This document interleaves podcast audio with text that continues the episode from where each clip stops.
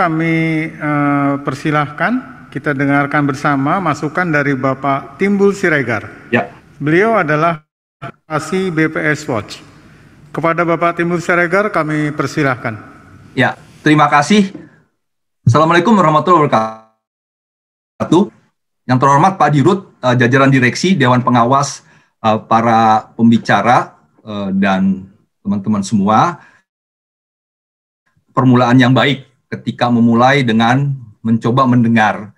Ketika mendengar, eh, jangan berhenti didengar, tapi bagaimana juga melihat bagaimana masukan-masukan dari sisi operasional juga tetap bisa dilakukan dan kita mengevaluasi bersama-sama dan apa yang sudah dievaluasi tidak juga diperbaiki. Dan ini yang saya lihat selama ini banyak persoalan yang sudah dievaluasi tapi tidak jalan-jalan.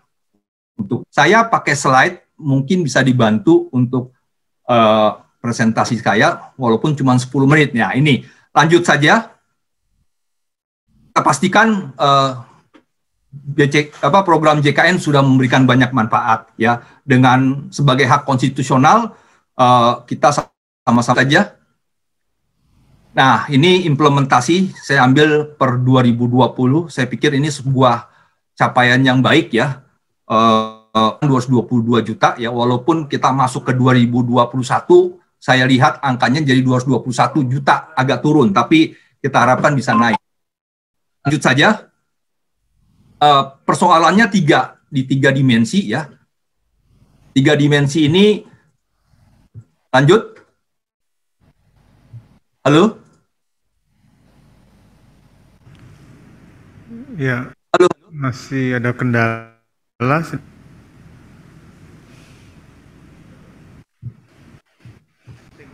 Halo?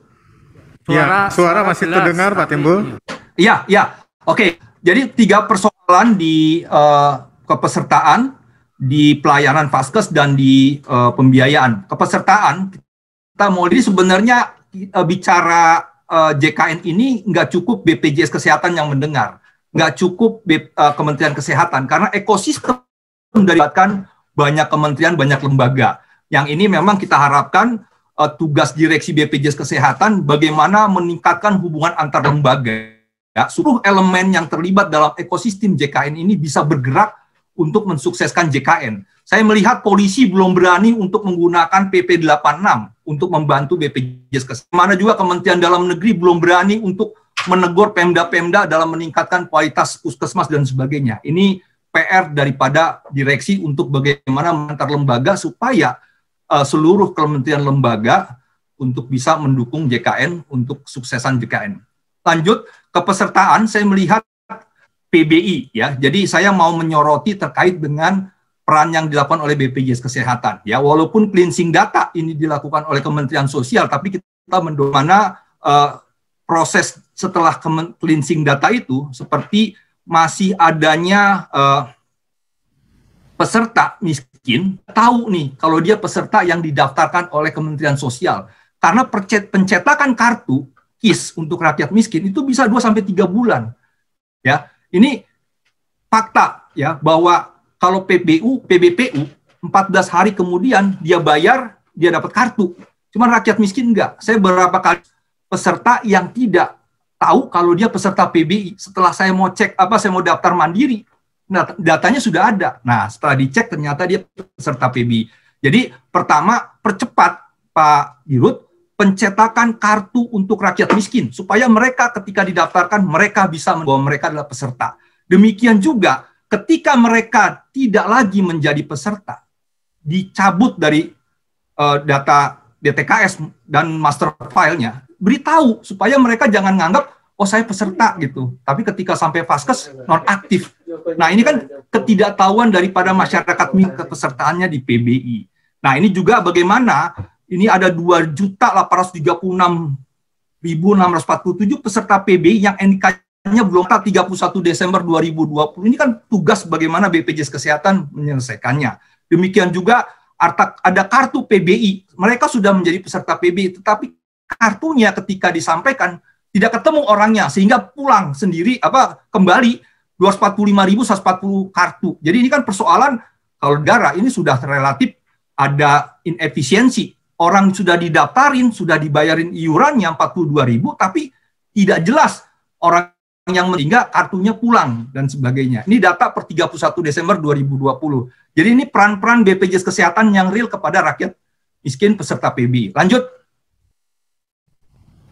Nah, untuk badan usaha, faktanya masih banyak pekerja formal yang belum ikut. Sekitar 16 juta 800-an. Kalau ikut dengan keluarga 35 juta. Bagaimana penegakan hukum? Lemah. Bagaimana juga PP 86? Ini juga belum bisa berjalan dengan baik. Ada putusan Mahkamah Konstitusi 2011 yang membolehkan peserta atau pekerja yang tidak didaftar-daftarkan oleh pemberi, pemberi kerjanya untuk mendaftarkan sendiri. Tapi sampai sekarang BPJS Kesehatan dan Ketenagakerjaan tidak pernah membuat des untuk menerima pendaftaran dari pekerja yang tidak mendaftarkan ini. Saya berharap Pak Dirut mengeluarkan sebuah keputusan untuk menerima pekerja yang tidak didaftarkan supaya mereka mendaftar sendiri. Bayar satu persen. Empat persennya gimana? Itulah tugas direksi sesuai dengan Undang-Undang 24 tahun 2011 mengkolek iuran. Jadi dengan adanya pembukaan DES ini, saya yakin kepesertaan PB, apa, PPU badan usaha akan melonjak ya. Kalau kita bandingkan dengan JKK JKM masih lebih kecil, 2-3 juta selisihnya. Nah, kemudian juga banyak pekerja formal swasta yang didaftarkan ke PBI daerah. DJSN menemukan di daerah Kudus dan sebagainya. Saya juga menemukan. Nah, ini juga kan bagian dari hak orang miskin diambil oleh PPU badan usaha. Usahanya nggak mau bayar 4%, dia pakai biaya Pemda. Ini ketidakadilan buat rakyat miskin dan jangan dilakukan lagi dan harus stop. Nah, ini Kemudian terkait dengan edabu. Halo, bisa kedengaran? Masih kedengaran, ya. Pak. Edabu. Edabu juga ini kan terkait dengan bagaimana BPJS Kesehatan harus bisa mengawal pasal 157A Undang-Undang Cipta Kerja. Selagi belum ada putusan pengadilan berkekuatan hukum tetap, maka para pihak harus menjadi masuk membayar membayar upah dan membayar iuran. Nah, edabu yang sekarang ini kan BPJS Kesehatan itu kan pasif. Kayaknya lepas tangan. Pengusaha bilang, oh ini nggak sehingga dinonaktifkan. Nah ini kan persoalan BPJS Kesehatan selama ini tidak pernah mengawal. Kalau di Undang-Undang 13 itu di pasal 155 ayat 2. Kalau jadi pasal 157A Undang-Undang Cipta Kerja. Nah ini harus dikawal nih Pak Dirut supaya benar-benar proses perselisihan itu masih berlangsung mendapatkan jaminan kesehatan. Nah ini persoalan kembali kemampuan daripada BPJS Kesehatan mengawal tes uh, perselisihan PHK dengan menggunakan pasal 157A Undang-Undang Cipta Kerja. Demikian juga ketika terjadi PHK.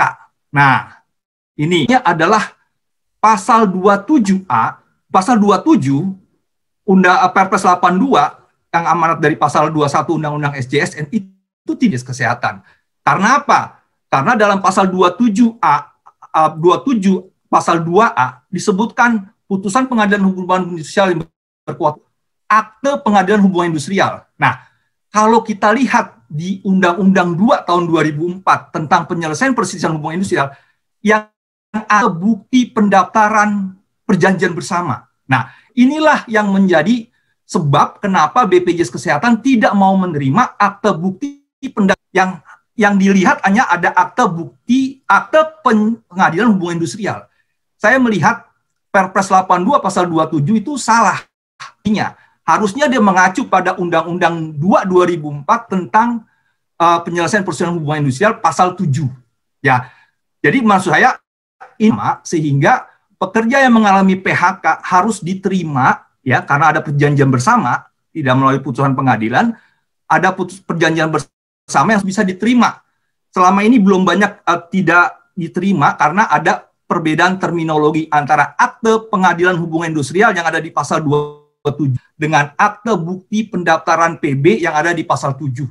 Nah, saya melihat juga mengamati bahwa kebanyakan orang-orang tidak diikutkan dengan pasal 27 tapi didorong menjadi peserta PBI.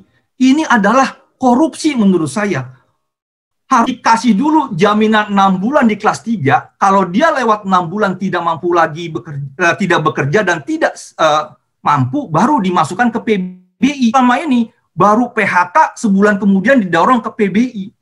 Hak orang miskin itu di diambil alih oleh pekerja-pekerja yang ter-PHK, bukan oleh BPJS Kesehatan. Saya mau katakan ini adalah pelanggaran hak orang miskin dari PP pemerintah apa sorry dari BPJS Kesehatan. Orang-orang yang ter-PHK diarahkan mendapat PBI, APBD, bukannya mendapat penjaminan maksimal enam bulan.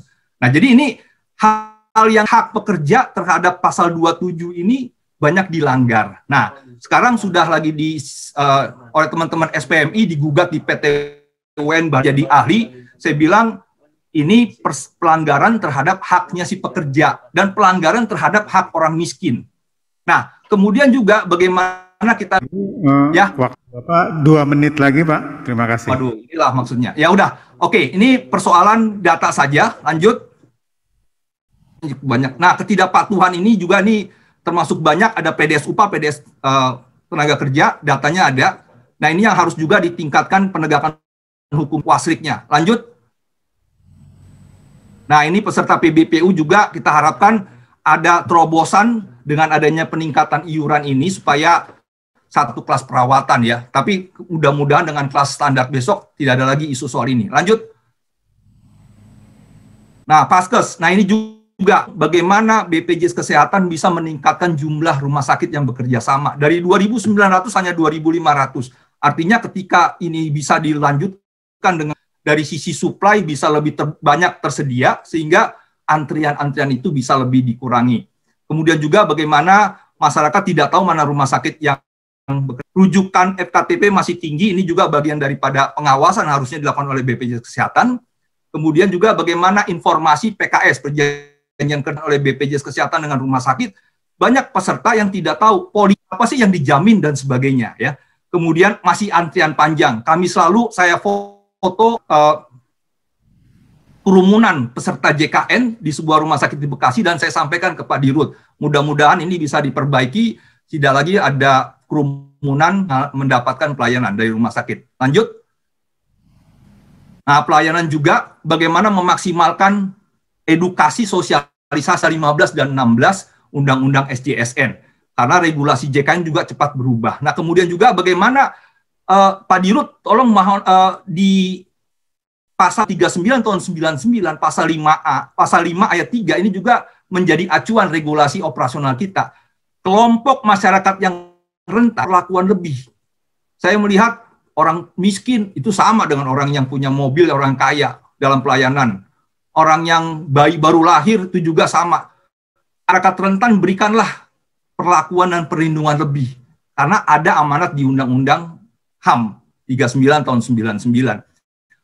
Pasal 68 mengatakan tidak boleh lagi peserta diminta biaya atas pelayanan sesuai haknya. Tapi faktanya masih banyak terjadi. Nah ini harusnya unit pengajadi tanggung jawab BPJS Kesehatan bisa membantu peserta. Kemudian juga masih susah untuk mendapatkan ruang perawatan khusus terutama ya. Ini berharap ada semacam uh, unit yang bisa mencarikan dan lebih ini, ini ya uh, lebih efektif gitu ya. Saya pakai satu lima ratus introduksinya pengenalannya panjang. Selamat datang di ini ini ini ini. Langsung aja pencet satu untuk ini, pencet dua untuk ini gitu. Jadi nggak terlampau lama kita itu untuk pelayanan. Nah untuk pembiayaan, nah saya lihat uh, kalau kita baca RKAT 2021 dengan beban biaya 2021 surplusnya akan besar lagi ya. Mudah-mudahan sesuai dengan RKAT pendapatan 145. Nah, saya mau mengatakan di iuran PPU lihat nih uh, ini direksi yang lalu ya yang menentukan sebenarnya targetnya 30 tidak 31 karena kemarin saja sudah dapat 33. Harusnya ditargetkan 35 gitu ya. Lebih banyak lagi yang didapat untuk penerimaan uh, di pos penerimaan. Kemudian pajak rokok ini juga hubungan antar lembaga bagaimana pasal 99 dan 100 juga bisa maksimal sehingga pajak rokok ini bisa membantu pendapatan uh, dari uh, BPJS Kesehatan. Nah, demikian juga bagaimana pendekatan untuk PBPU yang mencapai 15,44 triliun. Lanjut, terakhir di sisi pos beban jaminan kesehatan, saya melihat di sini RITL juga masih cukup tinggi ya. Nah, ini juga bagaimana kita bisa kendalikan dengan tentunya sesuai dengan pelayanan yang bah, peserta sesuai haknya. Promotif preventif sebelum-sebelumnya dialokasikan 500 miliar, sekarang 435 miliar. Dan saya melihat ini juga tidak tidak terlampau uh, sukses gitu ya dilakukan oleh pem, uh, BPJS Kesehatan karena dari 500 cuma 400 yang direalisasikan, 435 mungkin cuma 350 besok yang direalisasikan dan sebagainya. Mungkin itu saja uh, Pak Dirut dan sebagainya. Sebagai penutup sedikit satu lagi, saya mau memastikan untuk IT saya di periode lalu dengan Pak Fahmi Idris berdebat soal pembayaran denda, di sistem dibuat di, dalam regulasi disebut 4 jam. Ternyata di sistem dibuat tiga kali tiga hari. Jadi ada pernah pasien di jam 11 malam itu dianggap satu hari. Saya bilang tiga kali 24 jam belum tercapai. Tapi dianggap sudah karena sistem. Nah mudah-mudahan IT di BPJS Kesehatan juga mengikuti regulasi 24 jam, bukan tiga kali tiga hari itu terkait dengan pembayaran denda ya. Demikian Pak Dirut, direksi dan dewas serta pembicara lainnya untuk sempat. Assalamualaikum warahmatullahi wabarakatuh.